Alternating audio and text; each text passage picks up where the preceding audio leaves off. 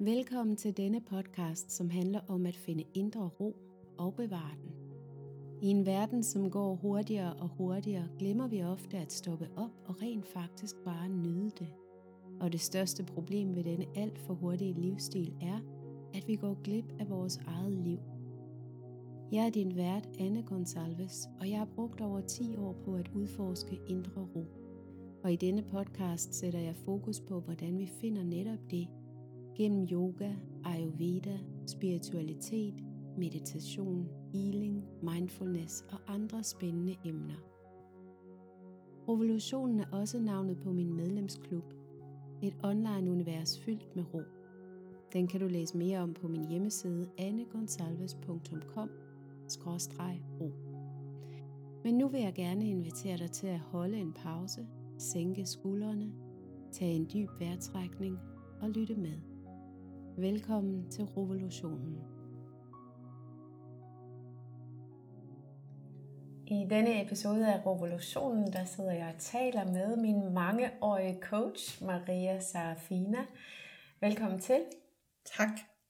Og du er spirituel business coach, EAM-mentor. Mm. Det skal vi nok komme meget mere ind på, hvad det er for noget. Ja. Og så er du også selv, øh, så har du selv to podcasts. Yes. Yes. Så dejligt, at du vil være med i min også. Jamen, øh, tak. Øh, jeg, jeg ved ikke, hvorfor lige pludselig jeg bliver sådan helt rørt øh, af det. Øh, jeg tror måske, det er fordi, at jeg kan jo, jeg har jo været vidne til dig og din udvikling igennem et meget langt stykke tid, har jeg jo fået lov til at, at være vidne og bære vidne til det. Og jeg kan huske, hvornår den her idé blev født øh, ligesom med mange andre af dine ting. Øh, og så er det faktisk også, jeg, det er min debut på sådan det danske marked. Du nævnte, at jeg har to podcasts, og det er rigtigt, fordi en er åbenbart ikke nok i, i mit univers. Men, øh, men hvad hedder det? Det er første gang, jeg tror, på det danske marked, at jeg er med i andre. Så jeg havde på et tidspunkt selv noget dansk noget, som er lang, for lang tid siden lagt i graven. Men, men det er første gang. Det er min sådan debut på det danske marked. I en dansk podcast. I en dansk podcast. Yes. Sådan skal det være. Så og tak. Så, jamen selv tak. Øhm, og så kan jeg jo lige nævne, at du øh, opererer mest på, yeah. på engelsk, eller på, yeah. på amerikansk, eller på yeah. det amerikanske marked, hvor yeah. du har boet også i, yeah. i flere omgange. Yeah. Og øh, så derfor er dine to podcasts også på engelsk. Ja, ja. så jeg har to podcasts. Jeg har øhm, øh, en podcast, der hedder The Magdalene Voices, som var en idé, der startede ud fra øh, hele grundtanken med det er, at jeg gerne ville bringe et øh, bringe andre perspektiver ind på de historier, som vi er blevet fortalt omkring øh, Jesus og Maria Magdalene i mange, mange, mange, mange tusind år. Og der har jeg bragt øh, rigtig mange forskellige mennesker i spil øh, på den podcast. Og så har jeg også haft det, som jeg kalder Magdalena ind. Og for mig er det et spørgsmål om, når man har bevæget sig fra hovedet og ned i hjertet, og lever øh, fra det sted, uanset om det er, fordi du har en forretning, eller bare i dit privatliv, øh, så, øh, så har du taget valget med at leve i kærlighed og bringe det i spil. Og det har jeg også haft, og har jeg også folk med. Jeg kalder det sådan, på engelsk hedder det jo sacred conversations, men på dansk hedder det hellige samtaler, hvor vi har samtaler omkring, hvad vil det sige. Og så har jeg startet The Spiritual Business Podcast, fordi at jeg kunne se, at den måde, som jeg arbejder i mit virke med, øhm, er var anderledes. Jeg vil sige efterhånden, det er jo snart 10 år siden jeg startede, efterhånden er der jo heldigvis sket en, en, en vinkling i den måde, vi arbejder på, som er langt mere kærlighedsbaseret, og langt mere det, som jeg står for, og det som jeg mener er sandt for mig, og for en lang række andre. Og der vil jeg gerne bringe det ind i øh, verden, at øh, kunne tage mange af de ting, som der bliver spurgt om i sessioner, mange af de sådan, gentagende temaer, det der dukker op undervejs, det vil jeg gerne bringe i spil. Eller sende ud i verden, så folk, der har en interesse i det, kan, kan vide, at de faktisk ikke er alene. For det er jo en af de ting, jeg rigtig, rigtig, rigtig tit måske allermest hører, når jeg arbejder med folk, det er det der med, at de føler sig hørt og set, og ikke øh, skøre oven i bolden, fordi at de har øh, en del flere strenge, de spiller på i deres virke, hvis det giver mening. Mm. Og det vil så, altså, og nu, for mig handler, nu arbejder jeg jo primært med øh, selvstændige, men uanset om du er selvstændig eller ej, eller om du har et 9-4 job og er super glad for det, så, så, kan, så mener jeg jo, at vi alle sammen har de der strenge, som vi kan spille på, øh, og vi kan bringe dem i spil i højere eller mindre grad, og vi kan øh, sige dem højt i, i større eller mindre grad. Jeg er jo bare en af dem, som, som siger dem, jeg vil ikke sige meget højt, men jeg, har ikke, jeg lægger ikke låg på i forhold til, hvem jeg er, og hvad jeg står på, eller står for, hvad jeg tror på, og hvad der er sandt for mig. Mm. Og jeg fortæller også altid, at bare fordi det er sandt for mig, behøver det ikke nødvendigvis være sandt for dig. Mm. Og det er super vigtigt, for jeg tror rigtig meget af det, der skaber konflikt, er, at jeg har den endegyldige sandhed, øhm, og, og det og i virkeligheden også skaber ufred. Mm, ja. ja. Så det her med det, det spirituelle aspekt også af mm. din business coaching side, er jo noget af det, som jeg har nydt rigtig godt af i mange, mange år. Og det er også der, som jeg synes, det er virkelig noget af det, der har, øh, har givet mig meget ro øh, i forhold til at være selvstændig. Mm.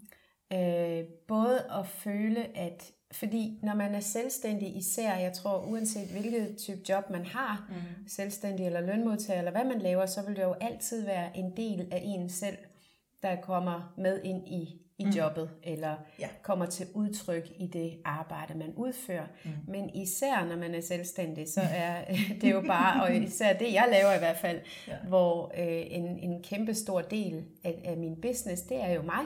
Mm-hmm. Så, øh, så jeg har ikke bare brug for en business coach, der kan fortælle mig, jamen sådan opsætter du en Facebook-annonce. Mm. Jeg har også brug for virkelig at tage hånd om hele den, ja, min spirituelle side, mm. for at kunne bevare roen i, mm. og overblikket i, øh, mm. i mit arbejde. Mm. Øhm, har du lyst til at fortælle lidt om, hvordan, at, jeg ved jo, du er uddannet coach, mm-hmm. øh, yes. hvor, hvor, altså, hvordan, hvordan, hvornår kom den der spirituelle kobling på, og ja. hvorfor? Ja, øh, altså jeg ser jo først og fremmest, vil jeg sige, at jeg ser jo det, at, at vi er selvstændige, er jo en af de mest kraftfulde spirituelle rejser og en af de største udviklings, personlige udviklingsrejser, man kan gå på, uanset om man er spirituel eller ej. Fordi at alt, hvad du er og står for, bliver bragt i spil. Øhm, og det der med at kunne øh, øh, danse med det, eller, eller øh, tage de ting, der dukker op, og bruge dem til som spejle til at udvikle dig selv og stå endnu stærkere i dit eget lys og endnu stærkere i din indre ro og endnu stærkere i hvem du er. Øhm, er altså det er simpelthen en guddommelig gave. Øh, sådan ser jeg det. Øhm, og jeg elsker at arbejde med de mennesker, som er klar på det. Altså yes, hvor det ikke bare netop, som du siger, handler om øh, Facebook-annoncer eller hvad der kan stå på en hjemmeside, men hvordan, hvordan er jeg? Øhm, også fordi det handler om energi, men det kommer vi ind på senere. Øhm, det startede, øh, jeg har fra, øh, fra det øjeblik, at det gik op for mig, at jeg var her for at være coach, øh, der var jeg klar over, at jeg skulle være spirituel business coach. Øhm, og jeg kan ikke, øh, øh, jeg er ikke blevet stillet det spørgsmål før, så det er ikke noget, jeg har tænkt, så jeg ved faktisk ikke, Øh, hvorfor? Øh, det, har, det har jeg bare vidst fra starten af. Men øh, som med alle andre, som går den, sådan, den selvstændige vej, så i starten, så det kunne jeg slet ikke håndtere. Det var bare sådan, huh, jeg vidste det, men jeg var røvbange og jeg gemte mig bag alle mulige andre roller, øh, virtuel assistent, øh, hjemmesidebygger, alle de her ting, indtil det ligesom gik op for mig, at det holder ikke, for det er ikke, det, det er ikke der, hvor jeg er stærkest, det er ikke det, jeg virkelig, virkelig brænder for. Jeg er dygtig til det, men det er ikke det, jeg er bedst til. Øhm, så så jeg kan, ikke, jeg kan ikke sige dig præcis det øjeblik. Det, det kan jeg med, jeg ved, hvornår jeg skulle være coach. Det var øh, 13. Øh, august 2010, på en strand det i år, øh, nu her, øh, 10 års jubilæum for det, hvor at jeg fik det klarhed, det klarsyn, der sagde, oh my god, jeg skal være coach. Og alting bare lige pludselig gav mening. Alt, hvad jeg havde gået igennem hele mit liv, alt, hvad jeg havde lavet. Jeg var på en rejse, hvor jeg skulle ligesom finde mig selv. Jeg havde taget 1000 milliarder bøger, men jeg troede, nu skulle jeg finde mig selv i alle de her bøger. Det var sådan en yoga retreat, faktisk. Øhm, og jeg tror, jeg åbnede en bog den første aften og fik læst et par sider. Og ellers så tilbragte jeg resten af ugen med, i samtale med alle de andre deltagere. og set tilbage, så coachede jeg dem alle sammen på, hvad det var, de gerne ville med deres liv, og hvor det var, de var i deres liv, og hvordan de skulle komme videre med deres liv. Og det var ikke engang mig selv, der fik ideen om, at jeg skulle være coach. Fordi for mig, der var ordet coach på det tidspunkt sådan coach, you know. Alle, alle skulle bare være coaches, og det var bare sådan, åh, jeg kaster op. Øhm, så der, en, der var en, en af de her retreat-deltagere, som kiggede, for jeg sagde til hende, jamen jeg kommer ned, og jeg troede, jeg skulle finde ud af det her. Og så siger hun til mig, mm, har, altså, har du overvejet at blive coach? Og min første reaktion var, hvad snakker du om at blive coach? Og så var det sådan, klik, så sagde jeg bare, oh my god, jeg skal være coach. Og siden der har det været, der har jeg kigget, altså ikke set mig tilbage øh, i forhold til det. Svarede det på dit spørgsmål i forhold til, hvad du ville om, eller spurgte? Ja, hvorfor du blev coach, og det, det, der fik du jo så en, øh, en åbenbaring, om man vil.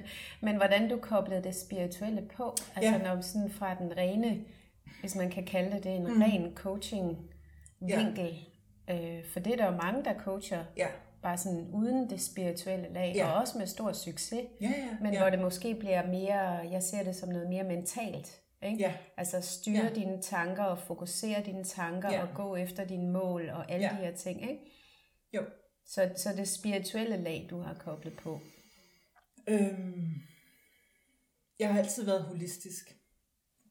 Jeg har altid haft øhm, øh, omtanke for øh, det hele menneske. Jeg har altid været, jeg er store søster, så jeg ved ikke, om det er derfra, at jeg ligesom altid har kæmpet for dem, som øh, var mindre end os, eller ikke havde de samme muligheder som os, eller øh, selv i min egen øh, klasse, da jeg gik i folkeskolen, jeg har klassekammerater, som er vendt tilbage til mig, har fortalt mig om episoder, hvor jeg har, hvor jeg har stået op for dem, øh, som jeg ikke selv husker overhovedet, og, og ikke har overhovedet har set som noget særligt, men hvor det har haft en stor betydning for dem. Og så havde jeg en oplevelse, da jeg var, da jeg blev konfirmationsforberedt, hvor at jeg kan ikke, altså hvor præsten havde sagt nogle ting, og jeg, og, det, og jeg blev nødt til at stille nogle spørgsmål, fordi jeg var nysgerrig, og spørger ham, du fortæller mig, at du siger, at, der, at Gud altid tilgiver, og der altid er en ny morgen. Og så blev han rigtig glad og sagde, ja, dygtig elev, og var virkelig glad. Og mit næste spørgsmål var så, hvordan kan der så være et helvede? Og jeg kan ikke huske, hvad han sagde. Jeg kan bare huske, at jeg tænkte, det kan du da bare tage. Men jeg blev jo stadig konfirmeret, fordi min, min moster havde lavet den her virkelig fine, utrolig grimme kjole, ikke? Øh, som nu, og jeg havde en lille pillehat, og jeg var, det var, det var så yndigt. Så det skulle du jo gå det gennemgå. Det jeg var, og de første høje arme, det var, åh, det var så yndigt. Øh, men helt grundlæggende på det tidspunkt, der vendte jeg mig bort fra i går så en organiseret religion. Og så tilbage i omkring 2008 eller 2009, så øh, stødte jeg ind i det, der hed, hedder et kursus i mirakler. Mm. Øh, som har haft altså helt grundlæggende fundamental øh, indvirkning på øh, vækkelsen af kærligheden i mig, øh, eller tilbagevenden til den kærlighed, som der er i mig, og den kærlighed, jeg er. Marianne Williamson har skrevet en bog, der hedder på engelsk A Return to Love. Jeg ved ikke, hvad den hedder, på den hedder nok noget i den stil på dansk. Og det gav så meget mening. Så for mig, så, øhm, så kunne jeg se, at hvis jeg skulle arbejde med mennesker forretningsmæssigt, så skulle det handle om kærlighed. Altså det skal handle om kærligheden. Og af en eller anden årsag, så bliver det betragtet som værende spirituelt, eller holistisk, eller alternativt, eller new age. Hvilket jeg ikke forstår hat af, fordi for mig er det sådan helt grundlæggende. Vi er spirituelle væsener i en, øh, i en verden, i, i en fysisk verden. Øh, så jeg får godt, at der er folk, der ser det anderledes, men, men jeg ser i grundlæggende ser jeg os alle sammen som værende sjæle, der går rundt på jorden i, øh, hvad hedder det, meat suits, altså i kødkrum, ikke? Øhm, og uanset om man tror det, eller ved det, eller så, øhm, så er de gode sådan bare en af de der, sådan, sådan er det bare. For mig. Har du lyst til lige at ganske kort fortælle lidt om, hvad øh, kursus i mirakler er? Ja. Ja, ja, ja, øh, uh, det bliver Så, øh, kort? helt, helt kort, helt kort. Kursus i mirakler er et, øh, det man kalder, nu skal jeg være hvad siger man, det er, for jeg ved, hun ikke selv nødvendigvis siger det sådan, øh, det er et værk, der består af tre bøger. Det består af øh, tekstbogen, øh, lærebogen og undskyld, øh, øh, lærernes manual, eller jeg ved ikke, hvad det hedder på dansk. Øhm, og det er, vi betragter dem som værende et kanaliseret værk af en kvinde tilbage i, det startede, det var en seksårig periode, det startede tilbage i 62, 68 til 72, eller 72 til 76, som i virkeligheden er sådan et, gå sig en grundkursus i øh, at ophæve mm, egoets øh, indvirkning på vores mentale tilstand. Det lyder virkelig langt ud.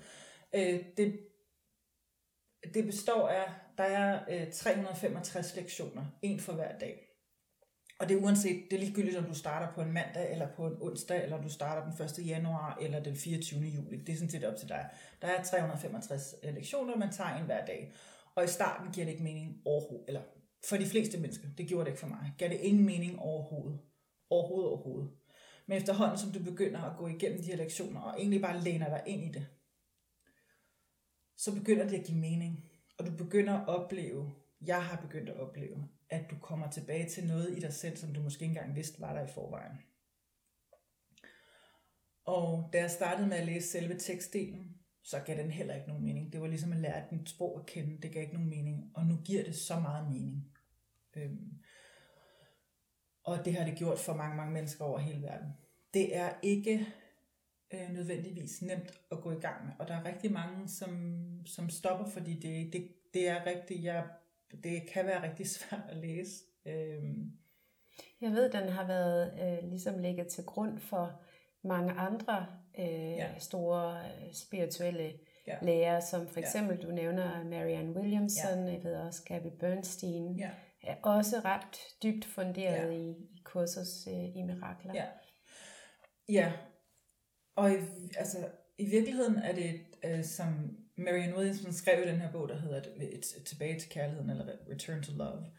Øhm, og den bog, som jeg startede med at læse, før jeg læste et kursus i mirakler, det var nok den, der bragte mig til kursus i mirakler, har sådan helt grundlæggende reddet mit liv. Altså jeg var på et tidspunkt på et meget, meget, meget, meget sort sted i mit liv, og kunne ikke se nogen mening med noget som helst. Og, øh, og så lå jeg ude på mit badeværelse, og, og jeg, det jeg skal sige, det var på et tidspunkt, hvor jeg havde øh, øh, et job, og jeg tjente virkelig, virkelig mange tusind kroner om måneden. Jeg havde firmabil, jeg havde firmakort, jeg havde rejser, jeg havde sundheds... Jeg havde alt, hvad man gerne vil have på det ydre planer. Det var på plads. Øhm, men indeni, så var der bare noget, der ikke var, som det skulle være. Og hver aften, når jeg kom hjem, så kan jeg bare huske, at jeg, jeg, altså jeg, jeg græd, fordi der var, der, var, der var noget i mig, der ligesom manglede. Øh, og jeg vidste ikke, hvad det var. Og så var der en aften, hvor, eller en dag, hvor jeg lå ude på mit badeværelse gulv og vrælede. Og lige pludselig så gik det op for mig, at der var noget, der var observant i mig. Altså der var noget, der var noget i mig, der kunne se, at jeg lå her på gulvet og græd, men der var også en del af mig, som havde den mest ubeskrivelige fred og ro, som på ingen måde var påvirket af alt det der, der foregik i mig også. Og der vidste jeg, at der er en del af mig, som har den her ro, som har det her sted i mig. Og det er det, jeg vil have. Og derfor så lavede jeg den, der hed, at jeg startede, der var to ting, jeg gjorde. Det ene var, at hver aften, når jeg gik i seng, så lavede det, det var jo i, det var da vi havde iPods. så det er virkelig lang tid siden. Så, lagde jeg, så hørte jeg audiobogen, eller lydbogen, mm. med Marion. Den lagde jeg til, for jeg ville have, at jeg kunne høre den, og den del af mig skulle høre, at det var det, jeg ligesom ville hen til. Det var den ene del, jeg gjorde. Nummer to, jeg gjorde, det var, at jeg satte en alarm på min telefon til at gå off øh, et par gange om dagen, hvor der stod, øh, jeg vælger kærligheden. Så hver gang den ligesom ringede, så er det, jeg vælger kærligheden. Og jeg anede ikke, hvad det betød. Jeg vidste bare, at jeg vælger, kær, jeg vælger kærligheden til simpelthen. Så den, øh, så det er, jeg ved ikke, det er en meget lang historie for at sige, at, og så var det så kort tid efter, at jeg kom, øh, jeg fandt et kursus i mirakler, og jeg startede på kursus i mirakler 7.000 milliarder gange, frem og tilbage, frem og tilbage. Jeg kunne, ikke, jeg kunne ikke komme i gang, så kom jeg i gang, så var jeg i gang i en måned, og så startede jeg forfra, og så kom jeg indtil tilbage i, to, i sommeren 2012, hvor der var et eller andet i mig, der bare sagde kling, og så, gik, så, og så, så læste jeg faktisk et kursus i mirakler, jeg tror, jeg tog øh, tekst- eller lærebogen, de der 365 lektioner, dem tog jeg 3-4 år i træk. Der kørte jeg bare, fortsæt, jeg fortsæt, jeg fortsætter. Så bare en sætning hver dag? Ja, altså det er en, det er en lektion hver dag, øh, som, som, øh, og som du så øh, tjekker ind med et par gange i løbet af dagen. Og nogen gør ikke, nogen tager den bare om morgenen, og så er det det. Og, øh, Marianne Williamson havde, øh, ved ikke om hun stadigvæk har det, men på et tidspunkt for nogle år siden, der fulgte jeg øh, hendes kursus øh, ja. 365 dage om året, mm. så jeg fik en e-mail hver dag ja. med en ny lektion. Men det er den. Ja. Ja, ja, hun har, øh, hun har øh, ja, det har hun nok stadigvæk. Det mm. ligger nok tilgængeligt på hendes hjemmeside, ja. hvor man kan gå ind, og så kan man få det tilsendt. Mm. Øh, det, der er med et kursus i mirakler, er, at det ikke er øh, copyrighted det ikke man skal sådan være dybere i det, men der har været en masse retssager omkring det. Men helt grundlæggende så er kurset uden for copyright øh, så det kan deles og bruges. Øh, så hende, der har nedskrevet det, føler ja. eller siger, at hun har ligesom fået det som downloads eller beskeder ja. oppefra eller sådan noget, hun, ikke? Fra en kilde. Det som... har været en samtale. Altså hun har, hun, uh, Helen Schuckman, som er hende, der har nedskrevet eller som har kanaliseret. Ja, vi vil jo kalde det kanaliseret, men, mm. hun, men hun er sådan lidt, for hun mener ikke, det kom som kanal. Hun, hun siger, hun blev fortalt det og at det er, det er Jesus, som simpelthen har givet hende det. Og hun har bare skrevet det ned, mm. eller hun har dikteret det, og så har øh, Bill Thetford, som var hendes øh, studiekammerat, eller studieprofessor på deres studie, øh, han har øh, øh, organiseret det og redigeret det. Eller redigeret, det er ikke voldsomt redigeret. Øh, og så har de bragt det til verden. Og det mener, det var et, jeg mener, det er 72, at det kom ud første gang. Og det der jo er med et kursus i mirakler, der, der er ikke nogen, øh, der er ikke nogen markedsføring bag. Kurset er printet i millioner af eksemplarer, spredt over hele verden, uden nogen former for markedsføringskampagner. Ikke? Så, øh, så det var ligesom starten, eller et rigtig godt startsted. Øhm. Men man skal også være klar, altså jeg får godt det der med, at når man starter på det, så, øhm, og det er derfor, jeg siger det der med at dele i starten, at, at det gør ikke nogen mening i starten. Det gør det virkelig ikke. Og, og der skal du være klar på, at det ikke gør det. I dag vil jeg jo have gået til det på en helt anden måde, fordi i dag har jeg jo så også øh, EAM, altså The Energy Alignment Method, så jeg ved, hvordan jeg kan opløse uh, energien i de frustrationer, eller i den ikke at vide, hvordan tingene hænger sammen kan jeg opleve løse sådan energimæssigt. Så jeg vil jo, men det er jo meget nemt, ikke? hvis man kunne leve sit liv baglæns, baglæns så vil alting jo bare være meget ja. nemmere. Ikke? Ja. Øhm. Men så det her øh, et kursus i mirakler blev ligesom en indgangsvinkel for dig ind til den sådan, nu siger jeg i gåseøjne, det spirituelle, fordi det er sådan lidt en, en bred ja. øh, en at sidde med. Ja. Men, øh, og, og det er også det, du sådan Føler du også, at det var det, du sådan begyndte så at trække ind over din coaching? Ja. At det bare blandede sig med... Kærlighed, kærlighed, kærlighed. Mm. Kærlighed, kærlighed, kærlighed, kærlighed, kærlighed, kærlighed. Altså, øh, for mig, altså... Øh, Gud er kærlighed. Kærlighed er Gud. Og når jeg siger ordet Gud, og, siger det på dansk, så i starten, når jeg sagde ordet Gud, så tænkte jeg, åh, nu tror de bare, åh, kristen, og ja. tilbage, halleluja-agtigt. Men Gud for mig er ikke øh, en gammel mand, der kommer og sidder og troner og dømme. Gud for mig er den er kærlighed, og, og jeg mener det sådan rent bogstaveligt. Den energi, med, med hvilken universet er skabt, er kærlighed. Den er altid i bevægelse, og den udvider sig konstant. Kærligheden udvider sig konstant. Vi udvider os. Om det er netop som selvstændig af vores forretninger. Det der med at tro, at du har en forretning, så er det sådan for evigt det ved du om nogen i hvert fald, ups, sådan er det ikke vel? Fordi der kommer, når du, når du bevæger, når du, når du bevæger ind til den kærlighed, som du er, og kommer i kontakt med den kærlighed, du er, så kan du ikke undgå at ville brede den kærlighed ud i verden, og, og dele den med andre, og lade den få liv. Giver det mening? Mm. Ja. Øhm. Det er nemlig, altså, er det ikke, ja, det her med fra frygt til kærlighed, også, som, som du har brugt, ikke? Jo. Hvor, hvor kærligheden den udvider, og man kan mærke, mm. hvis man sådan går ind i kroppen og mærker det i kroppen, så mærker du ja. jo også den der øh, energien af kærligheden, ja. som, som nærmest spreder sig. Mm. Hjertet bliver større, og hele kroppen fylder mere, mm. men ikke på sådan en... Øh, ja, det, det er sådan en ud, udadvendt eller udvidende energi. Øh, hvorimod frygten, den trækker sammen, ikke? Ja. Og så får du sådan en klump inde i maven, eller ja. op i brystet, eller hvor den ja. nu sidder i dig. Ja. Så den er sådan sammentrækkende. Ja. Øhm, og der, der, den måde kan jeg i hvert fald godt lide at, at tænke på det. Ja. Man kan simpelthen mærke det i kroppen. Ja. Så du kan ja. mærke den der fysiske ja. udvidelse eller udfoldelse, ja. når du ja. mærker eller og tillader kærligheden. Ikke? Ja. ja. Og så tror jeg også, det er vigtigt at nævne, at det er jo ikke et spørgsmål om, altså frygt kommer aldrig til at forsvinde den her øh, sådan halleluja-forestilling om, at du ved, så går man bare på, altså, da jeg traf, det skal måske også nævnes, da jeg traf det der valg og sagde, okay, øh, jeg vælger kærligheden, så var min forestilling jo, at nu åbner himlen sig, og englene de kommer ned, og der bliver roseblade, der bliver strøget hen, for jeg har jo valgt kærligheden. Så uh, her hvor det bare kommer til at glide. Ja, hej hej. Ja, det var så ikke det, der skete, vel? Fordi det der, det der sker, og det skal, skal man det mere for at advare folk om. Disclaimer, det. disclaimer. ja, alarm, alarm. Det er, at når du vælger kærligheden, så det der sker, det er, at så siger Gud, eller universet, eller mor, The source. Ja, hvad end du vil kalde Mama det, siger, top, top, fedt, nu skal du bare se, nu får du vist alt, hvad der ikke er kærligt i dit liv, både i det ydre og i det indre.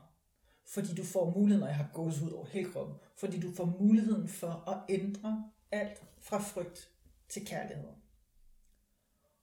Og hold nu fast, hvor det stinker. Altså, det er, det er, det er, og, og, og, og, og det kunne jeg tale mange timer om, hvordan det har set ud i mit liv de sidste mange, mange, mange år. Mm. Men det er mere for at fortælle, det sker stadigvæk. Så det betyder ikke, at den ikke fortsat dukker op. Fordi jeg tror, en af de sådan, øh, spirituelle, øh,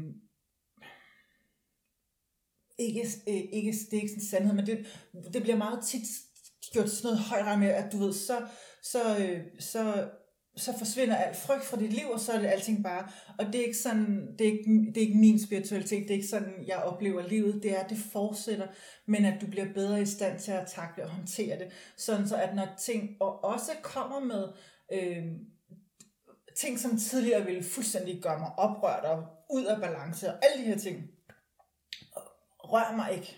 Øh, selvom det er noget, som der måske for nogen ville være sådan meget og oprørende men der kan også komme ting, hvor det bliver sådan for mig. Så, så, så det, det er meget vigtigt for mig, fordi, fordi jeg netop har den rolle, jeg har, så er det rigtig nemt at se og sige, Nå, men det ved, så bliver alting bare godt, og du, du ved, du går på den her, øh, hvad hedder Lyserød det? kærlighedssky. Lyserød kærlighedssky, og så er alting bare fantastisk. Ja. Og det er rigtig vigtigt for mig at sige, at det er ikke, det er ikke min oplevelse. Det kan godt være, at det er sådan for andre, det skal jeg selvfølgelig ikke, ikke kunne mm. sige, men, men sådan er det i hvert fald ikke for mig. Det, for, det, det forestiller. Og netop det der kropslige, fordi vi jo, øh, vi er fysiske væsener. Altså vi har valgt, sådan som jeg ser på det, har vi valgt at komme ind i det her liv for, øh, for at bringe kærligheden videre. Vi har jo, altså vi har jo den vildeste mulighed for noget, som vi ikke ville kunne, hvis ikke vi var kommet ind som det menneske, vi er på nuværende tidspunkt,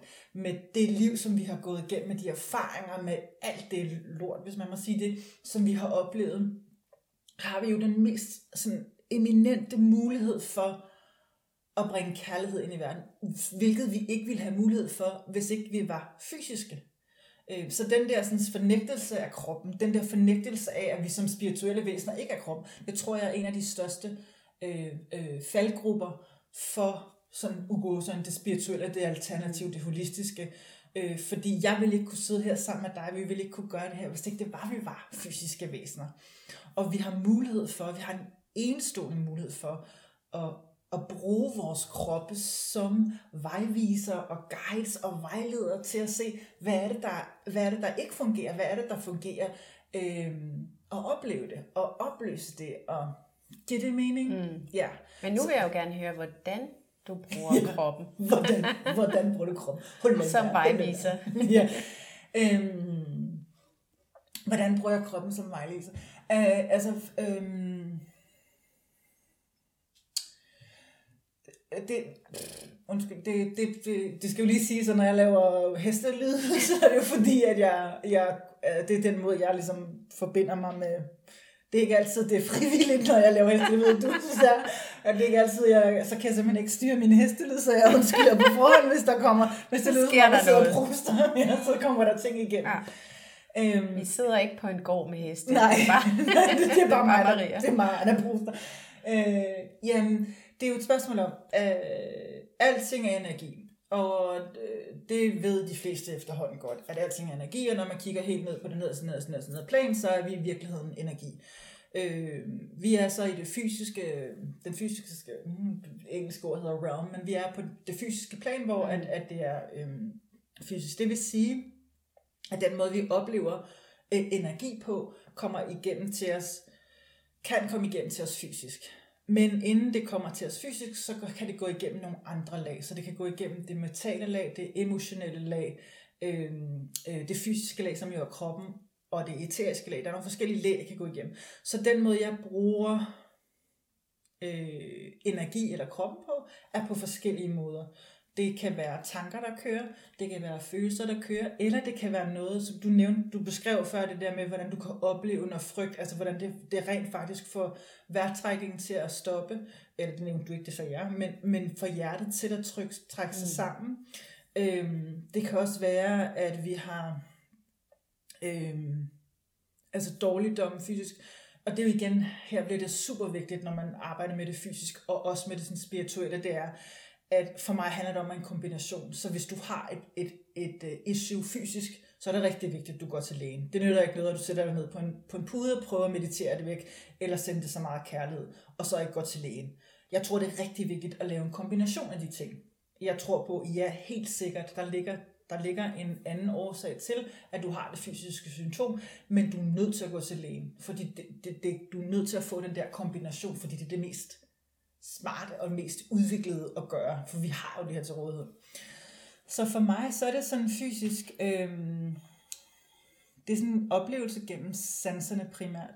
Og det er jo også den måde, som mine sådan, spirituelle evner har udviklet sig. Jeg ser det sådan, at vi har, øh, på samme måde som vi har vores syn og vores hørelse og vores øh, stemme og vores krop, så har vi også en øh, øh, den, den øh, spirituelle, jeg ved ikke om det hedder spirituel, men den spirituelle sans. Så vi har vores indre syn, vi har vores indre hørelse, hvor vi har vores indre stemme, som jeg ser som muskler. Øh, på samme måde som rigtige fysiske, fysiske, fysiske, fysiske muskler, så ser jeg det som vores spirituelle muskler. Og jo mere du vælger at arbejde med det, jo mere du styrker det og træner det, jo bedre bliver du til det. Så man kan altså træne og blive bedre til at lytte til sin egen indre stemme. Yes. Mm. Ja, punktum. Ja. Og så var det.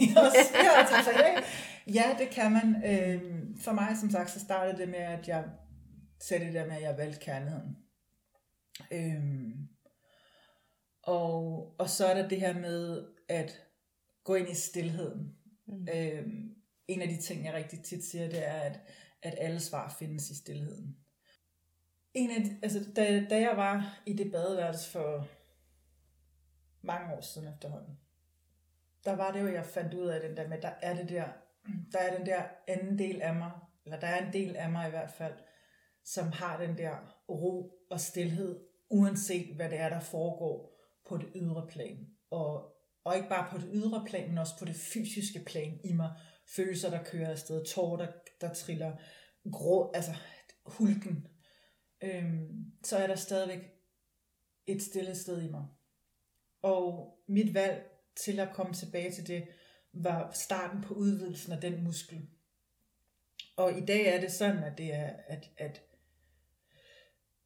når jeg, når jeg nu tænker på det, så, så oplever jeg det som sådan en, altså det er sådan en, nu er det bare sådan en kæmpe søjle, som jeg bevæger mig i, hvor at jeg har adgang til den altid. Øhm, Hvordan har du fået opbygget den ja, søjle? Og det var så, ja, så, det, så start, det startede selvfølgelig med kærlighed. Så det der med, at jeg satte min, en alarm på min telefon fem gange, jeg tror det var fem gange om dagen, og så fordi jeg godt kan blive sådan et... Øh, øh, aggressiv på det punkt, så var det en gang i timen. Øh, fordi jeg, jeg, jeg, det var et valg, jeg traf. Jeg vil tilbage til det sted. Så derfor så brugte jeg de helt, altså det lyder ikke særlig spirituelt, at man sætter, tager sin telefon, og så sætter du en alarm, der kører afsted en gang i timen og siger, jeg vælger kærlighed. Mm. Og i starten var det det eneste, jeg gjorde. Jeg vælger kærlighed, jeg vælger kærlighed, jeg vælger kærlighed. Fordi jeg hele tiden ville trække mig tilbage til, til, mit, til mit aktive valg om, jeg vælger kærlighed. Mm. Det næste, der skete, det var, at jeg startede på... Øh, jeg startede til noget yoga, og, til noget, øh, og der havde hun sådan nogle meditationskurser, og, og den form for yoga, som jeg har lavet, øh, er virkelig monoton. Jeg er jo meget aktiv, jeg dyrkede crossfit og var, var meget aktiv, men det jeg elsker med den yoga, jeg laver, er sådan fuldstændig monoton, det samme igen og igen og igen, for den der, sådan, det bliver bare meditativt. Mm. Og hun havde så, øh, hun havde meditationskurser. og det, jeg tror, jeg tror, jeg var på de der meditationskurser, det var sådan nogle seks ugers kurser, tror jeg det var. Jeg tror, jeg var på sådan en kursus seks eller syv gange, inden at det ligesom en, altså, og, og hver gang jeg havde været igennem det, så havde jeg fået en praksis, hvor jeg lavede en 10-20 minutters øh, meditation, og så gik der en uge, 10 dage, og bum, så var det væk igen. Ikke? Indtil øh, efteråret, det må have været 2000 og, jeg tror det var 2009, ja det må have været 2009, at jeg, jeg, jeg vidste, at øh, hvis ikke jeg satte mig ned på puden, der, jeg vågnede simpelthen en morgen og vidste, at hvis ikke jeg satte mig på puden, så ville det gå rigtig galt. På et tidspunkt havde jeg et arbejde, der var meget krævende, som jeg godt kunne lide, men jeg, lavede, jeg arbejdede rigtig, rigtig, rigtig, rigtig meget. Og jeg vidste, at hvis ikke jeg satte mig på puden, så ville jeg ende i en stress, altså så ville jeg gå ned med stress. Så på den måde, øh, så begyndte jeg at sidde. Og til at starte med sad jeg i 5 minutter, og så udvider jeg det stille og roligt. Jeg tror igen, det er det der med, at vi udvider os i kærlighed. Vi træffer et valg baseret i kærlighed, og så i stedet for at sige, så skal jeg, du ved, løbe maraton. Jamen altså, hvis du skal løbe maraton, så starter du ikke fra den ene dag til den anden med at løbe maraton, så starter du med at tage skoene på, og så løbe måske 100 meter, og så 200 meter. Du udvider det. Så det der med, at, at vi udvider os i kærlighed. Øhm, så det var det, der udvidede den muskel af mig. Og efterhånden, som du er i stand til at træde mere og mere ind i stillheden, og du oplever den altså, vilde ekstase, der kan være ved det. Og jeg siger kan være, for der er også nogle gange, hvor du bare sidder og tænker, åh, kraftet med kraftet med kraftet med kraftet med også hårdt arbejde. det var, der, er nogle, der, er nogle, der er nogle dage, hvor det bare overhovedet ikke er særlig kaldt. Det er igen de der lyserøde kærlighedsskyer. Det er sådan, ikke lige hver dag, de kommer. Ja. Nej, det er det nemlig ikke. Og, øhm, og på den måde, så, når du, når du forbinder dig med den kraft, så begynder du i virkeligheden også at leve et liv, der er sådan i, i overgivelse, surrender hedder det på engelsk, i, i, i øhm, hvor du hvor du begynder at forstå, hvor lille og en stor del du reelt set har i det hele. Ikke? Altså, hvor, hvor kraftfuld du i virkeligheden er med de valg, du træffer, og den måde, du lever på. Øhm, og hvor lille du i virkeligheden betyder øh, i forhold til den dråbe, du er i det store hav. Mm. Og den der, øh, jeg kalder det ikke en balance, fordi det, det er i virkeligheden det flow, hvor du altid væver imellem de to, øh, på, i større eller mindre grad. Øh, så på den måde har det udvidet sig. Og så har jeg og jeg vil ønske, fordi der er rigtig tit, jeg bliver spurgt om de her ting, og for mig har det altid været en intuitiv, alt, altså de, de redskaber eller værktøjer, som jeg har bragt ind, øh, du ved, at jeg, jeg, jeg, jeg sidder og arbejder, eller arbejder med, jeg bruger krystaller i, mit, i, i en daglig dag, og jeg bruger tarotkort og øh, olier, og, og, men, men det har altid været, det har sjældent været noget, hvor jeg har tænkt, nu skal jeg begynde at bruge det her. Det har været et, et det opleves som sådan et kald inden i mig, der siger, Nå, jeg kunne godt tænke mig det, eller nå. En, en sådan rigtig, fordi du nævnte det her med fysisk ting, har været, jeg kan huske for 6, 6 eller 8 år siden, der havde jeg rigtig store problemer med, og sådan ligesom, jeg var bange for at, at bruge min stemme, og bange for at sige det der med spirituelle-agtigt, ikke? Og det var, og, og der, der brugte jeg, og det gør jeg stadigvæk, bruger bøn. Fordi vi, igen, der er vi jo så tilbage til, at når man hører ordet bøn, så tænker man, oh, så skal man ind i kirken. Og jeg er jo ikke medlem af Folkekirken. Jeg har valgt at melde mig ud af Folkekirken, fordi jeg ikke mener, at den øh, efterlever det, som jeg ser som værende kærligt. Og jeg har haft nogle oplevelser, andre har haft nogle oplevelser, øh, hvor jeg sådan, jamen, så vil jeg hellere selv sørge for at donere mine penge, der hvor jeg mener, at det er de bedst tjent. Øh, men, men bøn er jo virkeligheden en samtale mellem dig selv og dig selv. Fordi øh, hvis Gud er kærlighed, og kærlighed er Gud, og du er skabt i kærlighed, hvem er du så? Så det er jo den der øh, konstante samtale. Og det jeg øh, bad om dengang, det var at øh, hjælp til at kommunikere, altså at skrive det, stå, stå ved det, jeg egentlig troede på og tror på. Øh, og det havde jeg rigtig svært ved. Og så havde jeg lagt mærke til i en periode, at jeg havde lavet, øh, at jeg havde lavet, øh, jeg havde lavet, øh, jeg havde lavet sådan en bevægelse med mine hænder.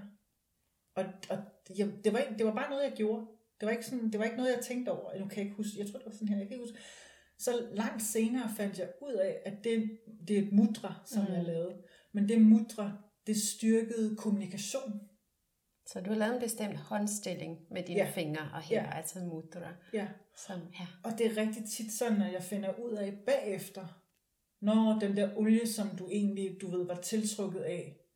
Så det er et spørgsmål om, øhm, der, og det er igen tilbage til det der med musklen, det er et spørgsmål om, at man måske i starten begynder, hvis du, får, hvis du kommer gående ned ad en gade, og bliver kaldet til at gå til højre ned ad en anden vej, så følg det. Altså, begynd at bruge, det har jeg altid opfordret til, begynd at, at følge de inputs, øh, som du får.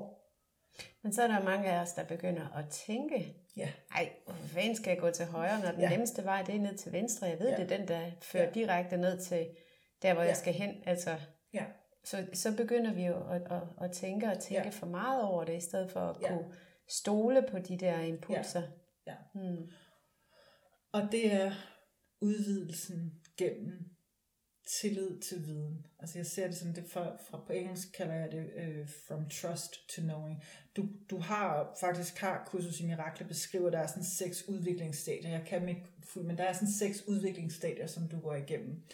Hvor du bevæger dig fra Øh, der, hvor du er nu, til at tro måske på, at det måske muligvis kunne virke. Så bevæger du dig igennem til, hvor du begynder at få en oplevelse af, om det virker egentlig Og så er der nogle andre ting, og så på et tidspunkt, så og har du en oplevelse af, at så falder alt fra hinanden, og så bevæger du dig i virkeligheden ind i det, der hedder viden. Jeg har det sådan lidt, jeg behøver ikke at stole på noget, for jeg ved, det er sådan. Så jeg bevæger mig fra øh, tro til viden. Øhm, og det handler jo om at give slip på de der tanker. Og det er jo så i hvert fald der, hvor meditation har hjulpet rigtig meget, fordi i meditationen, der bruger vi jo netop det der med, at vi træner fokus. Øh, det er jo en illusion at tro, at tankerne forsvinder, for tankerne forsvinder aldrig, de vil altid være der. Men spørgsmålet er, om du kan udvide den stillhed, eller du vil udvide den stillhed og den ro, der er i, din, i dit væsen også, til et punkt, hvor at du selv bestemmer, hvornår er det, jeg lytter til de her tanker eller ej. Så du ikke bare bliver væltet om kul af de her tanker, øh, som det jo nemt kan ske. Ja. Præcis. Ja. ja, som bare kører afsted med dig. Mm. Og, og, og, og det er sådan ligesom, sådan, jeg ser det som ligesom en lille frø ind i hjernen, hvor du sådan har sådan en lille gylden frø, og så siger det bare, og så udvider det sig ind i din hjerne til, fordi jeg kan huske, at jeg tænker, at alle de der tanker, de skal jo bare forsvinde, men det, kan, det, det, det er sådan, at vores hjerner ikke indrettet. Øhm, så, så, så det er også det der med at opgive, opgive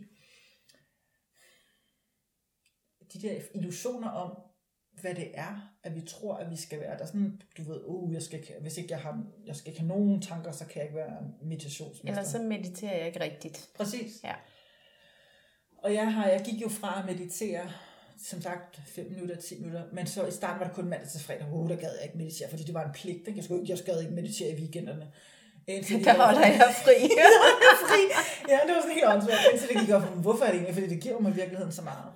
Og min, og min, min, præcis, min meditationspraksis, den, den, den, den, ud, altså den, den øh, hvad hedder det, udvider sig og bliver mindre. Så nogle gange, så sidder jeg, dengang da jeg startede, der var sådan, så arbejder jeg op, så sidder jeg i 40 minutter hver morgen. Og det var også på et tidspunkt, på det tidspunkt havde jeg et arbejde, som gjorde, at jeg var virkelig, virkelig presset. Øhm, og derfor var jeg nødt til simpelthen at, at være sikker på, at jeg var fuldstændig på plads i mig selv, inden jeg gik ind i det. Og så begyndte jeg at meditere morgen og aften øhm, i ja, lang tid. Og så har det, så nu bevæger det altså for mig har jeg, min, mor, min morgenpraksis er fast. Øh, og så kan jeg, hvis jeg skal noget til i morgen, det er ikke så tit, det skal længere, men hvis jeg skal noget ned til i morgen, så er det, altså for mig er det non-negotiable. Jeg skal sidde på den, eller ikke skal, fordi det er forkert at sige skal. Jeg vil sidde på den pude, fordi jeg ved, hvad det giver mig hver morgen. Så kan det godt være, at det kun i nogle perioder er 5 eller 10 minutter, fordi det er alt, hvad der ligesom er mulighed for i den periode.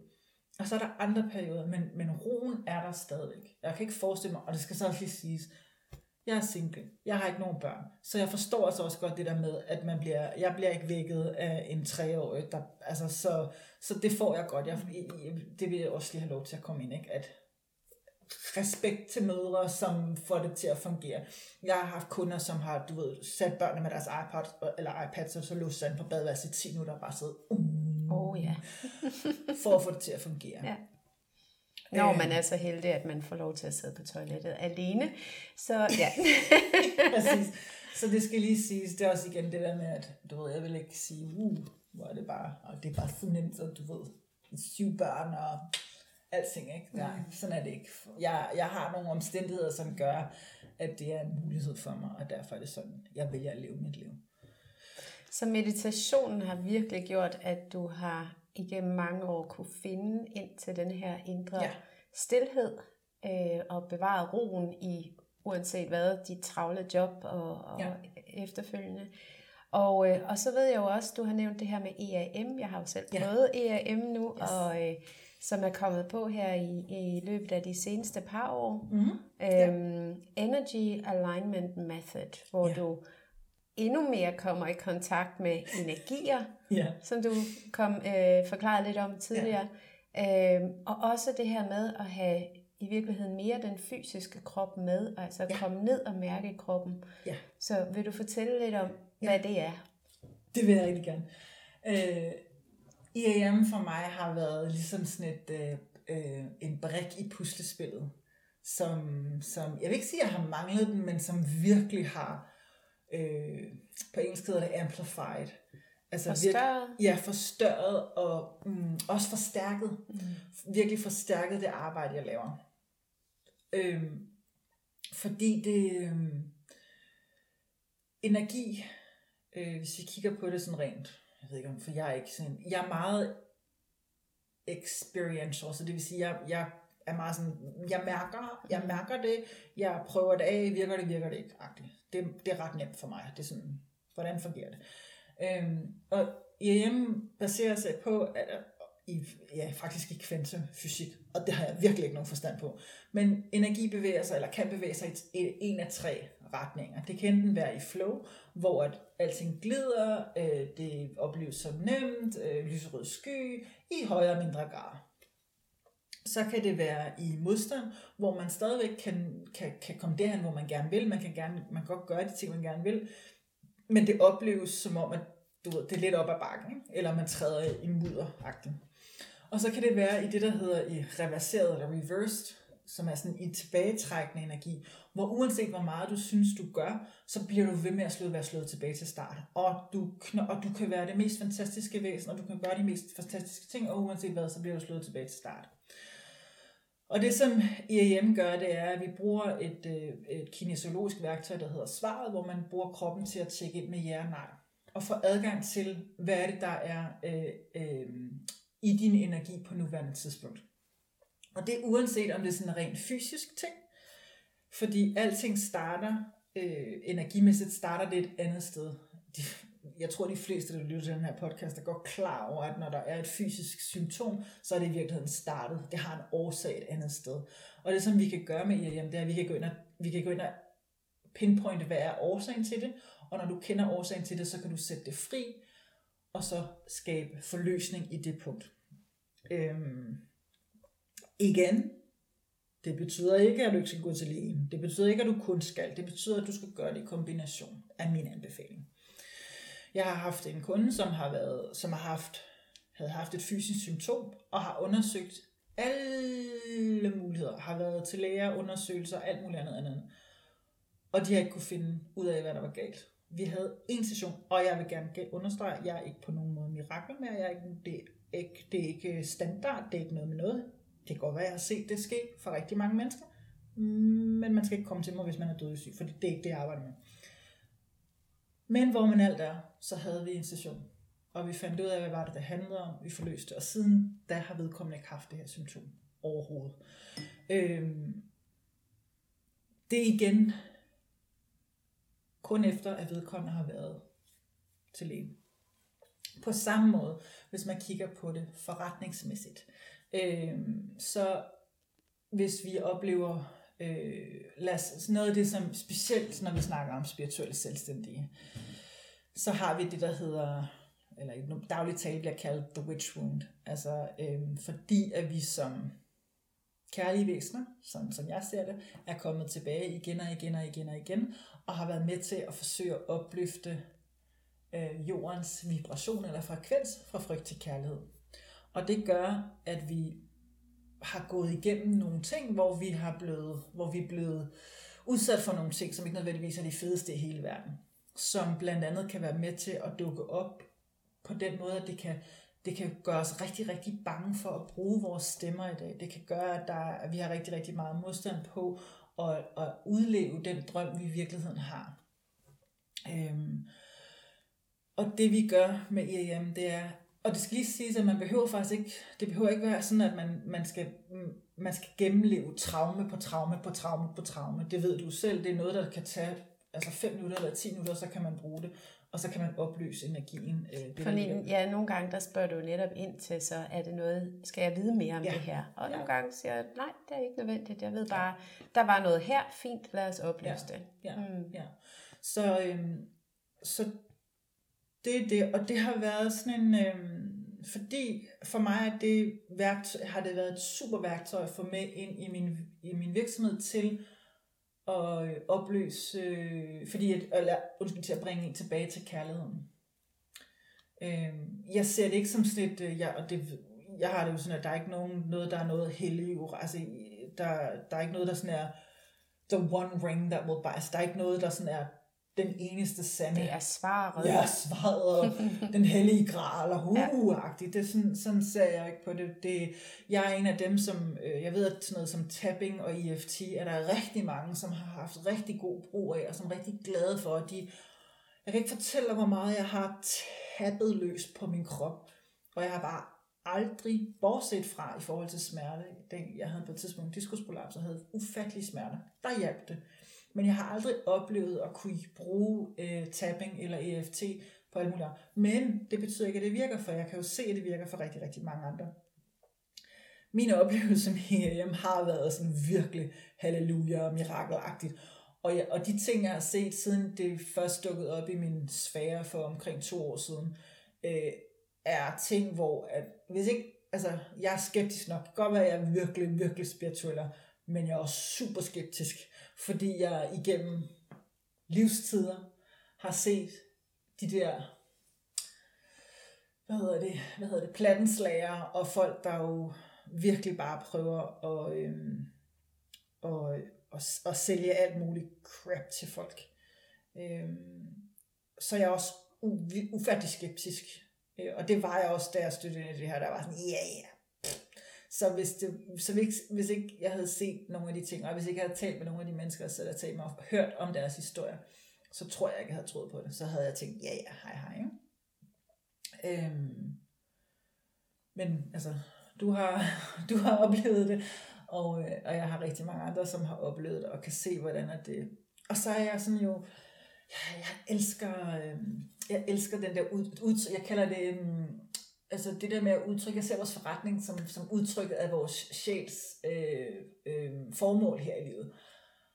Og det, det tænder mig bare for vildt at kunne se, hvordan at jeg kan være med til at, at opløse det og sætte gang i flow. Og ikke bare omkring penge, fordi i virkeligheden så er penge jo bare energi, og det ved jeg godt, bliver sådan, åh, ruller øjnene, og, ja. men, men der er så mange andre områder, fordi hvad nu hvis det her med i sig med penge handler om noget helt andet. Du har fået at vide af din mor, at du var barn, eller øh, din far, eller det ligger et andet sted, hvad nu det slet ikke er dit. Øh, men i virkeligheden kan det også i andre områder, din, øh, som sagt, specielt det her med at, at sige, sand, at sige vores sand, udtrykke vores sandhed, kan være rigtig hårdt.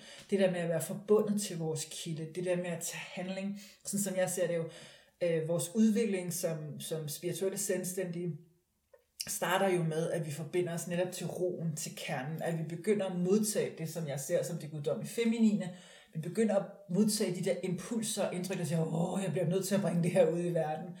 Og rigtig tit, fordi verden ser sådan ud, som den har gjort i rigtig, rigtig mange år, så har vi undertrykt det guddommelige maskuline. Og i den undertrykkelse øh, er øh, det, sådan, det, jeg kalder det skygge maskuline og det skygge feminine vokset, som, har, som så gør, at når, når den guddommelige feminine kraft vågner, så ved du godt, at du kan ikke blive ved med at handle på den måde, som du tidligere handlede. Du kan ikke blive ved med at bruge øh, markedsføringsmetoder, som er frygtbaseret. Mm. Det, det, fordi det, det, det begynder at blive imod alt, hvad du, altså hele dit væsen vil stå og sige, men fordi du ikke ved, øh, hvordan du så skal, fordi du, alt hvad vi har lært handler om pres, pres, pres, pres, pres, skub, skub, skub, skub, gør, gør, gør, på den her måde. Så der står den her guddommelige maskuline kraft, og siger, jeg vil meget gerne bruges. Det, det, det, det er den der skaberkraften, der kan bringe tingene i verden. Det er, det er fundamentet. Så, så det er det næste skridt. Så kommer udtrykkelsen af det, og så, ja, nu er jeg ude i det der, men det er virkelig det der, og, og der ser jeg jo, hvordan at det, at vi kan opløse det, alt det, sådan det energimæssigt, der ligger i det, at vi kan opløse det, det er bare, jamen, det er guddommeligt, og det er frigørende. Det, det ord, der kommer til mig, er liberation. Altså det er, forestil dig, at du kunne være så fri indvendigt, at der ikke er noget i verden, der ligesom kan sige, der kan gøre noget agtigt. Det, øh, det, det vil jeg gerne bestille noget af ja, til vores ja. næste to, samtale. to, to af dem, tak. ja. øhm, og, det er jo den, og det er jo der, hvor, hvor arbejdet fortsætter. Fordi mm. hvis du nu havde sagt, øh, Nå, fint nok, det er nok med mig bare at have den her uddannelse, og nu skal jeg ikke lave mere resten af mine dage, skal jeg kun fokusere. Men sådan fungerer det jo ikke, fordi når du åbner dig op som kanal for de der ting, der kommer igennem, så kommer der jo bare mere, der kommer overflod, der kommer, det, det, det vælter jo igennem os. Det er en kontinuerlig strøm af idéer, når ja. man er selvstændig. Ja. ja. ja. Og, øhm, og så er det jo også rigtig vigtigt at få det tilbage til verden, fordi hvis vi bare har idéer på idéer på idéer, og aldrig får dem tilbage til verden, det er, så, det er, det er i virkeligheden, øh, jeg vil ikke sige synd og skam, men det er, og det er jo så for mig, det er der, hvor at, så har vi ikke fået fat i vores guddommelige feminine kraft, og vi har ikke aktiveret den guddommelige maskuline kraft i os selv, fordi det, og der vil jeg gerne lige bringe i spil en af mine sådan, pet peeves, eller mine sådan, det er det her med, at, at øh, igen, og det tror jeg har været klart, at, at det ikke handler om at skabe sådan en, du ved, balance. Det, det er rigtig tit, når jeg hører det der balance, bliver sådan, åh, det handler ikke om balance. For hvis vi kigger på, hvordan energi fungerer, altså opererer, så, så vil der altid være mere eller mindre, du, vi, vi går imellem dag og nat, vi går imellem vådt og tørt, men der er jo rigtig mange, et, der er et spænd imellem, så det er sådan en, jeg sidder her og vugger Der er bevægelse, der er bevægelse, der er bevægelse. hele tiden. Ja. Så det handler om at skabe bevægelse. Mm. Så hvis der er noget, der sidder fast i dit liv, øh, egentlig havde jeg slet ikke tænkt mig, øh, at det, jeg skulle sige det, men, men hvis folk, hvis dine lyttere gerne vil have metoden, den, jeg vil meget gerne lave sådan en øh, beskrivelse af den, så de kan gå ind og downloade den, og så yeah. kan jeg lave en video. Ja, ja, ja. det havde jeg slet ikke regnet med. Okay, ja, så laver jeg en beskrivelse af, det er en femtrins metode, mm-hmm. man mhm. går igennem, øhm, og en video, der beskriver det, så kan de gå ind og hente det. Mm. Øhm, Ej, øh, tak. Det, det er virkelig, virkelig ja. effektivt værktøj, og første gang, da jeg stod og prøvede det også der, og sådan skulle rokke lidt frem og tilbage, jeg tænkte bare, hvad er det for noget?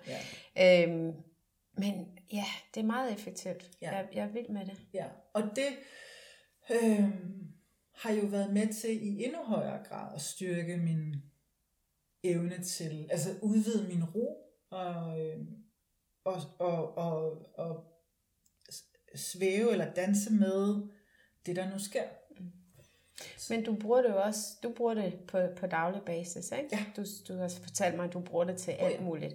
Og, og så kan man jo sige, at så er det sådan et redskab til også ja. lige flere gange om dagen at tjekke ind ja. i kroppen, eller tjekke ind i din energi, ja. sådan du hele tiden er aligned, altså ja. at du sådan ja. er på ja. i dit eget center i ja. virkeligheden, ikke? Ja. Og det skaber jo den der ro, som ja. Ja. vi taler om, og øhm, ja, det er fantastisk. Ja, jeg, altså jeg bruger det, øh, men, og der er jeg jo sådan, jeg ved ikke, altså det, jeg, ved, det er, jeg ved ikke hvorfor, jeg, altså, det er næsten sådan en, øh, for mig er det næsten sådan en pingeting men jeg blev jo sådan meget, jeg var meget nørdet, jeg, jeg, jeg blev jo meget sådan, øh, jeg har min morgen ting, altså min, jeg står jo op typisk mellem to eller tre timer før jeg skal noget, fordi jeg har de her ting, jeg gerne bevæger mig igennem. Øh, og det er mit valg, jeg træffer.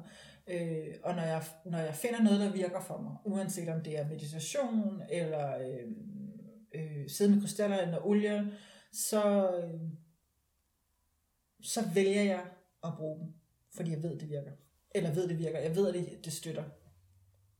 Men jeg har heller ikke den der, jeg, igen, jeg har ikke den sådan super videnskabelige tilgang til det. Jeg er sådan set næsten ligeglad med, hvad tingene betyder, eller hvordan jeg ved bare, for eksempel med mine krystaller, jeg bliver rigtig tit spurgt, jeg lægger jo op hver dag på Instagram, lægger jeg sådan op, laver jeg sådan en krystal øh, grid, altså sådan en krystal, det ved jeg ikke, hvad det hedder dansk, men sådan en grid, og rigtig tit bliver jeg spurgt om, hvad, hvad betyder det, og hvordan det sådan, prøv at det aner jeg ikke. Altså jeg, jeg ved, at rosa kvarts er kærlighed, jeg ved, at røg, smoky quartz, altså røgkvarts, det er sådan noget, øh, det er mere groundende.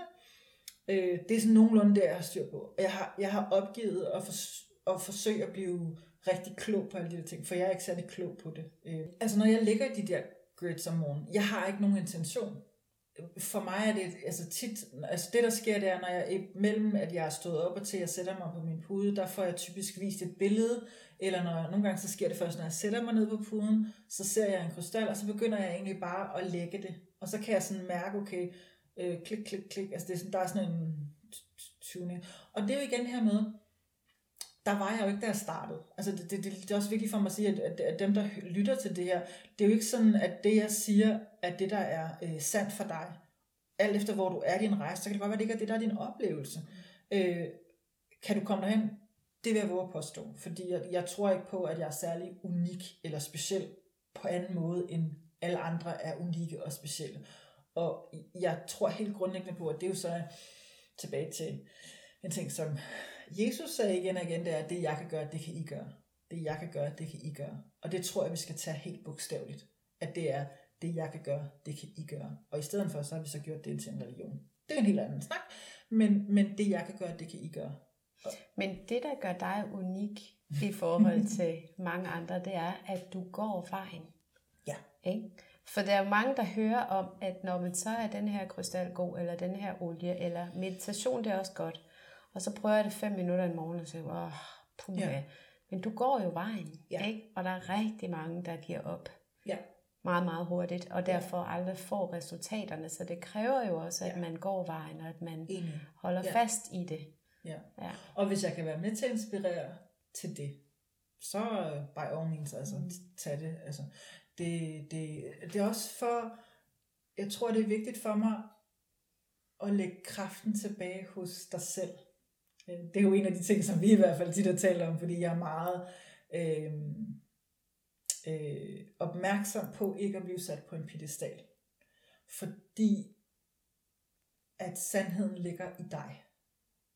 Øh, så det jeg siger, kan være en inspiration, det kan være en guide, det kan være coachende, det kan være øh, katalyserende, det kan være faciliterende, hvilket det er. Jeg kalder faktisk ikke mig selv lærer, fordi jeg, jeg, jeg ser det ikke sådan, at jeg, jeg, jeg, jeg minder dig bare om, hvad du allerede godt ved i forvejen, øh, og hvad du allerede er i forvejen.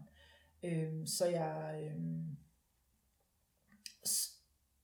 så, så, så det der med at huske på, at, at, at at, at tage det, du kan bruge, og så lægge resten væk. Altså, øh, jeg har ikke brug for, at du tror på min sandhed, eller at du fuldstændig kender min sandhed overhovedet. Øh, jeg har brug for, at du lever i din egen. Øh. Det er jo om noget også noget, der giver ro. Ikke? At man finder ind i sin egen kerne, i sin egen sandhed, mm. og tør at stå der også. Ja. Ja. Ja. Ja, og, og, og forestille os en verden fyldt af sådan nogle mennesker. Mm.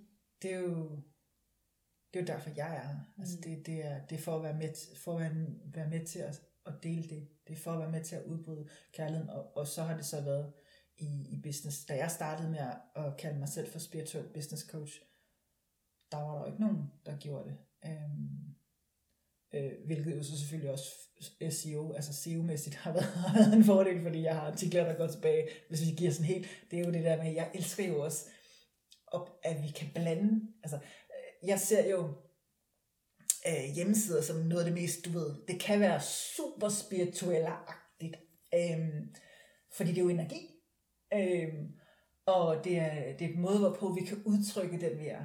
Øh, så det er jo det smukkeste værktøj eller redskab, Øh, og, og, og noget så, du ved, øh, hvad hedder det på dansk, mundane, men sådan noget så hverdagsagtigt som, du ved, øh, sende nyhedsbreve, eller tale i telefon, eller sådan noget, det, det bliver jo øh, øh, kanaler for vores, mm. for, for vores guddommelighed. Jeg ved godt, jeg har sagt ordet guddommelighed virkelig mange gange. Øh, og så tror jeg også, at rigtig mange mennesker bliver overrasket, når de møder mig, fordi det er sådan rigtig tit, det er ikke så lang tid siden, hvor jeg havde en, der sagde, øh, du er jo altså, du er helt nede på jorden. Øh, ja. altså, det, ja, ja, fordi det er det her med, at, at øh, for mig handler det ikke om enten eller. For mig handler det om både og, at vi, jeg er yber spirituel, og jeg lever i den her verden. Mm. Så hvis jeg fornægter den ene del, så mister jeg i virkeligheden den anden. Mm. Så det handler om at være med til at, at merge det der. Og, og, og en, ordet uh, enlightenment, på dan, eller på engelsk, blive oplyst, uh, handler jo om altså, at blive og for, jeg ser det sådan, at jo, jo lettere vi bliver, og det er en af det, hvor at, at IAM er et super kraftfuldt værktøj, det er, jo lettere vi bliver, jo mere lysende bliver vi, fordi vi ophæver modstanden i vores celler, og så bliver vi i virkeligheden lyset. Men det handler ikke om, at vi siger, så kan I have det godt, og nu skriver jeg, kan have, øh, jeg plejer på engelsk at sige, see ya suckers, og så bare så tager man off, og så er det sådan noget, så kan resten af verden bare få lov til at ligge og rode med det der crap. Ikke? Øhm, det handler om, at, at jo mere lys du bringer ind i dig selv og i verden, jo mere har du lyst til at sprede det lys i verden, og være med til at opløfte og oplyse andre, mm. uden at det skal blive sådan et, du ved, hellig, hellig, og uh, ikke? Øhm, øhm, ja, øh, Bare lige løfte energien sådan lidt på verdensplan, hvis vi kunne være med til ja. det. men det er det der, som folk, altså folk som sagt, så siger de, du, du er sådan helt nede på jorden. Sådan noget. Øh, ja. altså de, folk tror, at jeg kommer gående i, du ved, Nej, svævende. Svævende, ja, svævende, ja, svævende sådan nogle lilla gevand. Nu kender du mig godt og så videre, jeg sidder her, jeg elsker jo glitter, jeg elsker glitter, og det har også været en rejse for mig, fordi hvordan ser en spirituel business coach ud? Hvis du så min hjemmeside for, for 10 år siden, ikke, så var det jo suits, og du ved, virkelig make så, så havde jeg en periode, hvor, en lang periode, hvor jeg ikke på nogen måde havde make på, og virkelig bare var fri. Og nu, nu, er jeg, nu, er jeg, nu er jeg, ejer jeg mit glitter, fordi ja. jeg er glad for glitter. Øhm, så der er jo ikke nogen måde at være det på. Øh, hvordan er man spirit, hvordan er du spirituel? Mm. Altså, det, det, du kan da, det, det må du selv lægge råd med. Altså, hvordan er det for dig? Så, så, så jeg kan være, så jeg er, altså kærligheden er min sådan, det er mit holdepunkt. Øhm, og jeg er super praktisk, det ved du i forhold til vores sessioner, at det er sådan, okay godt, men hvad du ved, og handlinger, og, fordi jeg også ved, at hvis, du, hvis det bare kører rundt i dit væsen og dit sind, og, dit, og du aldrig kommer bringer det i verden, mm. så bliver du mega frustreret, og så står hende der, din sure, øh, øh, hvad hedder det, jeg kalder det shadow feminine, så står hun og stamper, fordi så bliver hun bare, din guddommelige feminine kraft, hun bliver simpelthen, hun bliver, hun bliver kvæst af det. Hun dør ikke, fordi den vil altid leve i dig. Kan altid vende tilbage til det, og det er det, som jeg kan huske tilbage fra den gang, jeg lå på badeværelsegulvet altså der. Det lever i dig, og, og uanset hvilken situation du er lige nu, så lever det i dig. Øh, du kan ikke slå det ihjel. Der er et, et af mine yndlingscitater i øh, et kursus i Mirakel handler om, at du kan, øh, du kan ikke sælge din sjæl, men du kan sælge din bevidsthed om den. Så du kan, du kan, du kan, du kan fjerne, du kan, du kan nå, du kan tro, at du ikke har det, men du kan aldrig fjerne den. Mm. Altså, så du kan altid vende tilbage til det punkt. Øhm, så ja, nu har jeg vist sagt noget. Hvis øh, du her til slut skulle give sådan dit bedste råd eller dit bedste tip til at finde indre ro, Ja. Hvis du kan vælge én ting bare, som du vil give med, mm-hmm. hvad skulle det så være? Ja. Jeg vil, jeg vil jo gerne sige det der med at sætte en alarm på din telefon og sige, mm. jeg vælger kærligheden. Der er bare det i det, at jeg også ved, hvad der kommer efter. Ikke? Så du skal, så, fordi så bliver du mødt med alt det, der ikke er kærlighed. Øhm. Men så er det at bruge ja, så simpelt en redskab som øhm, som til telefonen og sætte en alarm, en blid alarm, ikke en af de der, mæh, mæh, mæh, men en blid alarm på din telefon, øh, og stille, hvis du nu er du arbejder, men som, som siger, jeg vælger roen. Mm. Øh, fordi så bekræfter du dit valg om at vælge roen flere gange i løbet af dagen, mm. og så kan du ikke undgå at hele tiden ændre din bevidsthed. Altså så vil din bevidsthed jo trække dig tilbage til, ja. jeg har truffet et valg om ro, jeg har truffet et valg om ro. Hvis du så vil tilføje, at når den går over, øh, tænder, øh, den der alarm, den, den ringer, at du så lige bruger et minut bare på at sidde stille og roligt og trække vejret, fokusere på din vejrtrækning. Altså et minut. Det tror jeg er det ud af hele den der redskabskasse. ja, ja. ja. Jeg synes, det lyder rigtig godt, og det er i hvert fald også noget, som er forholdsvis nemt at tage med, og alle har jo nærmest en telefon på sig hele tiden, så mm. det der med at og bruge den til noget fornuftigt. God idé. Ja. ja. Tusind tak, fordi du vil være med. Tak, fordi jeg måtte. Det er simpelthen så stor en ære. Og igen nu, lige om lidt, så begynder jeg at tude igen over, at, at du har bragt det her til verden. Jeg er, jeg er så stolt. Jeg ved, jeg bliver tit kaldt sådan en ørne ting, du ved, jeg skubber jeg ud af redden, men det er, det er simpelthen en gave at få lov til at se, hvad du har skabt igennem den. Det er så smukt. Tak. Så tak. Tusind tak, fordi du lyttede med til Revolutionen. Hvis du vil læse mere om mit online-univers, yogauddannelser og yoga-retreats, og tidligere afsnit af podcasten, så klik ind på min hjemmeside anegonsalves.com.